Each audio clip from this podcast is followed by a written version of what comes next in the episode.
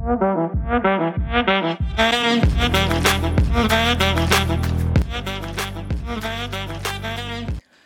ljudi, ja sam Leana i dobrodošli u treću epizodu podcasta Nedozvoljena.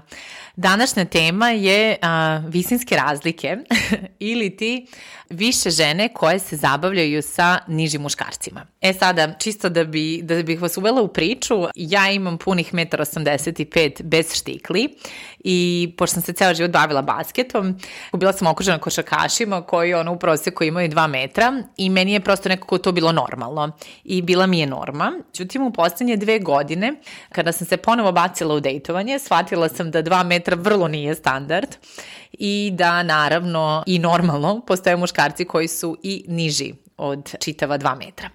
E sada, šta se tu kod mene dešavalo? Ja sam se prvi put susrela sa time da je meni univerzum uporno nabacivao, davao znake pored puta, kroz oblik muškaraca od 1,80 m. Što sad nije neka jako velika razlika, ali ipak je bila dovoljna da u meni probudi jako puno osjećanja, nelagode, razmišljanja i prosto da se preispitam na jako puno frontova, za koje možda čak i nisam bila baš toliko spremna. Ako E sada, ta preispitivanja su a, prvo bila taj osjećaj nelagode i neke vrste stida koje sam osjećala, a onda i tog momenta da sam imala neodoljivu potrebu da se odjedan put smanjim i budem žena od 1,75 m. I kada sam te stvari delila sa svojim drugaricama, neke od njih su mi rekle, jao, Leana, nemoj da budeš toliko površna, kome je još visina bitna. I sećam se da me taj moment užasno frustrirao, jer je uglavnom on dolazi od žena koje su imale 1,65 i zaista nikada nisu uh, ne ilazile na takve situacije. Međutim, s jedne strane sam osjećala krivicu zašto ja kao osoba koja nema potrebu da mene neko klasifikuje kroz moje fizičke atribute i da me bira na osnovu njih, e, zašto je meni onda toliko bitno da muškarac bude viši od mene? Jer ja se zaista ne bih uh, osjećala lagodno da mi neko kaže, znaš šta, ja neću da se zabljam s tom zato što imaš ovakav nos ili ovu boju oči, zato što su ti grudi male ili veće, kako god. I onda sam počela da se preispitujem kroz sve to. Zaista kad pogledamo kroz neku biologiju stvari, e, za vreme nadretalaca muškarci su veliki, krupni, visoki muškarci su predstavljali zaštitu za svoju porodicu, za svoje mladunče i za svoju partnerku i ženu. I ono u pećinsko doba oni su tako veliki, visoki mogli da štite od svih e, divljih medveda, životinja, tigrova i tako dalje. Međutim, kada mi sad pogledamo današnje vreme, nema neke jako velike potrebe, jel, da mene neko štiti od svih tih divljih životinja. Ja kada sam svom terapeutu to saopštila i rekla, ali šta će se desiti ako mene medved napade u sred ulice, ona je mene samo lagodno pitala, pa dobro, gde se to tačno medvedi nalaze usred ove tvoje ravnice i Vojvodine? Tako da je vrlo očigledan taj moment biologije i DNK koji nas urezan veoma duboko. A da kažemo u neko poslednje vreme, u poslednjih par vekova i decenija, ceo patrijarhat i te muško-ženske uloge i stereotipi e, su sve više naglašavali taj moment da e, muškarac mora da bude viši, a da žena pošto je manja, ona je samim tim više i ženstvena. I zaista kada pogledamo čak i medije danas, ja se zaista ne sećam da sam u bilo kom momentu gledala filmove gde je žena više od muškarca. Mislim, možemo da uzmemo primer Toma Cruza koji, ono, ne znam, ima 1,72 koji uvek u filmovima nosio duple štikle ili duple džonove da bi bio vizualno viši od svoje partnerke. Tako da i čak i ta cela industrija negde nama prodavala sliku da je to neka norma, da je to prosto negde normalno. I onda sam shvatila da to, taj moj osjećaj stida i nekog kao čudnog vajba ne dolazi samo od mene. On je neko jako davno vreme bio urezan u moj DNK, a onda je prosto i sve te slike koje ja imam oko sebe su samo naglašavale tu sliku da muškarac mora biti viši od mene. I tu se iskreno vidi i taj osjećaj i taj uh, uticaj društvenih normi, stereotipa i prosto kao uh, muško-ženskih uloga kao, kao takvih koje su realno samo nametnuta neka očekivanja i, i dozvole koje nama društvo daje. Uh, zaista je taj proces, kako se ja osjećam po tom pitanju, kod mene trajao, da kažemo, negde skoro dve godine I kada sam počela susrećem sa tim, prvo sam bila jako isfrustrirana, jer sam se setila da kao, bože, u Novom Balkanu, ono, svi muškarci su dva metra i ono od stene odvaljeni, kako se svi ovi od metra 80, baš nešto jako lepe za mene. A onda sam skapirala da meni univerzum očigledno nešto pokušava da kaže, da ja nešto treba da naučim iz svega ovoga. Počela sam da se preispitujem šta je tu meni zaista bitno. I u to neko vreme sam letla avionom kroz Sjedinje američke države i na tom letu sam uh, upoznala jedan par gde je njen muž od 20 nešto godine bio otprilike za glavu niži od svoje žene. I ja sam ga vrlo otvoreno pitala, pošto mi je to bila tematika tih dana, kako se on osjećao po tom pitanju i da li je to nešto što njemu smeta. Na što se on meni nasmejao i rekao, ja svaki put kad zagrlim svoju ženu, moja glava pade na njene grudi. Kako bi to meni uopšte moglo da smeta? I ta rečenica mi je onako baš ostala urezana u sećanje, jer sam kroz to ja shvatila da visina više smeta ženama nego muškarcima, da su oni mnogo lagodniji, da ne kažemo da verovatno postoji neki mali osjećaj ponosa kada se muškarac zabavlja sa ženom koja je viša od njega.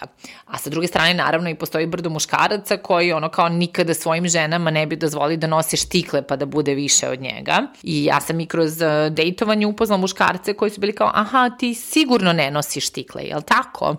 Ja kao ja vrlo nosim štika na svojih 1,85 i nemam nikakav problem sa tim. I da u suštini taj osjećaj nesigurnosti kod muškaraca rađaju žene, da smo mi te koje e, zbog svojih nekih ideja u glavi i normi stvaramo nesigurnost kod njih. Jer, kažem, kroz neka svoja iskustva shvatila sam da muškarci zaista nemaju toliki problem sa tim koliki imaju žene. E sad da se vratimo na neko to moje iskustvo. Ja sam onda počela da, da se preispitujem o celom aspektu da li to istinski meni smeta ili mi smeta kroz neke spoljne faktore u smislu kako to drugi ljudi vide. Jer sam ja sebe milion puta uhvatila, ja sam 1,85 koja je ono kao ovaj, nosam param oblake, vrlo, vrlo sam se ostala u nekoliko situacija kako sam se onako malo sagnula, malo sam se nagnula na kukić jedne strane, da na slikama izgledam niže, da to izgleda ovako ili onako. I shvatila sam u stvari da meni ne smeta toliko kada sam samo ja sa muškarcem koji je niži od mene, koliko meni to smetalo kako to izgleda s polja, kako to izgleda društvu. Jer zašto bi se ja iz nekog bilo kog drugog razloga nameštala na slikama da izgledam niže, kada uopšte nemam problem sa tim. Što bi moja prava baka rekla, e, pupak na pupak, sve ti to dođe na isto. Tako da zaista jeste tako, jer je taj moment kada sam jedan i jedan nikad mene nije uznemiravao i činio mi je nelagodno, a kad sam bila u svetu i na polju, u kafiću, u klubu, u gradu, sećam sam osjećala neku vrstu tida i nelagode, kao da ja sada zbog tih nekih društvenih normi moram da se umanjim i da budem niža od tog muškarca sa kojim sam. Ono što je meni istinski pomoglo da prevazim su bilo nekoliko stvari. Meni je zaista na to onoj moje PDF ovaj, formatu i listi od 580 karakteristika koje moj idealni muškarac mora da ima. Uh, jedno od njih jeste da bude visok. I onda sam počela, prvo mi je nekako bilo kao to mora da ima. I onda kada sam pogledala na brdo drugih stvari koje su mi bile toj listi, shvatila sam da bi to bilo jako lepo i da, ja ono, u, u svojim genima se verovatno prirodno negde osjećam zaštićenije i bezbednije, jel ako nas napade medved, da će on mene tu da zaštiti, da mi da budemo vrlo realni, ako medved napadne, ne baćemo i on i ja i nema tu nikakve pomoći.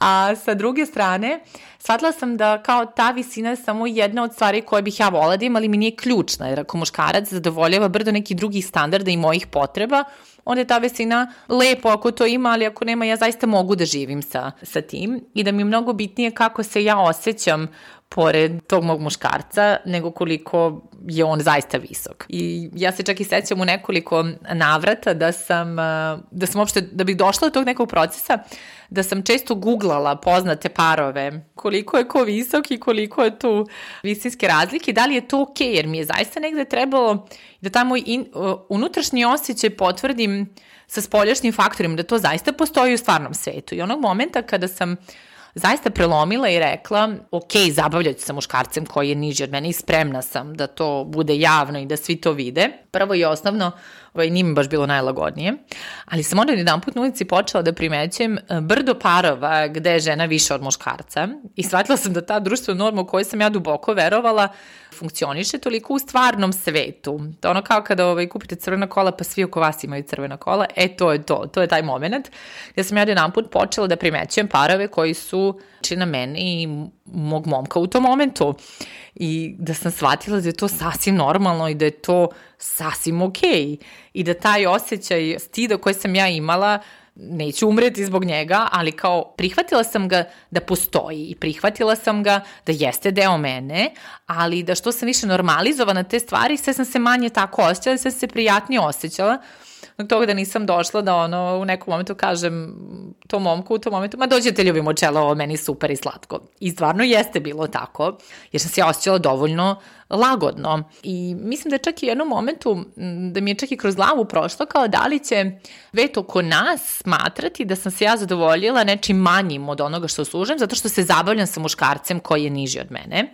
Zatim shvatila sam opet da je to prosto neka društvena norma i neka društvena očekivanja i nešto što je nametnuto, što zaista nije moje. Mogu otvoreno da kažem da ja vrlo nemam problem da nosim štikle i da budem visoka i da budem viša i da se na slikama neću nameštati da budem niža od svog partnera koji je niži zaista u stvarnom svetu od mene, nego da prosto ono, budem ponosna to koliko sam visoka i da budem ponosna na uopšte odnos koji smo mi izgradili, a kako on zaista fizički izgledao da mi je to baš nebitno. I mislim da je ono što je ključno bilo u tom nekom procesu prihvatanja i preispitivanja sebe, jeste bio i stav muškaraca, jer da je osobi preko puta mene to jako smetalo i da se on osjećao nesigurno, ja ne bih imala muda da kažem ok, ja mogu ovo da prihvatim, mogu da radim sa ovim i mogu da, mogu da prihvatim ovo kao normalno. A pošto sam sa druge strane imala jako veliku podršku i neku normalizaciju tih stvari da kao meni apsolutno ne smeta što si ti više od mene, meni je to čak i super i molim te nosiš tikle kad god ti želiš. Ja sam se osjećala komfornije u svemu tome. I zaista to sad nije bio neki proces koji se odjedan put desio, puno je tu bilo preispitivanja, razmišljanja, gledanja u neke stereotipe, društvene uloge, rodne uloge i tako dalje. I zaista dubokog razmatranja šta je ono što je meni ključno i sa čim mogu da živim, a sa čim ne. Tako da ovaj proces je kod mene trajao dve godine i mislim da ono kao, da budem najiskrenija i dalje sam na neki 97% prihvatanja, uvek imaš ono kao 3% na kojima još uvek radiš, ali to mi je okej, okay, jer prosto sve ovo je ne dešava se preko noći. Potrebno je vreme i potrebno je prostor da stvarimo neke informacije i da, da ih prosto razumemo i prihvatimo kao takve. Mislim da ono što je meni bilo najslađe i sa čim bih i ostavila u ovoj epizodi je kada sam um, ja mom momku u tom momentu rekla super smo se nešto dopisivali, ja sam rekla sve je to super, samo mi molim te reci da si viši od 1,85 m.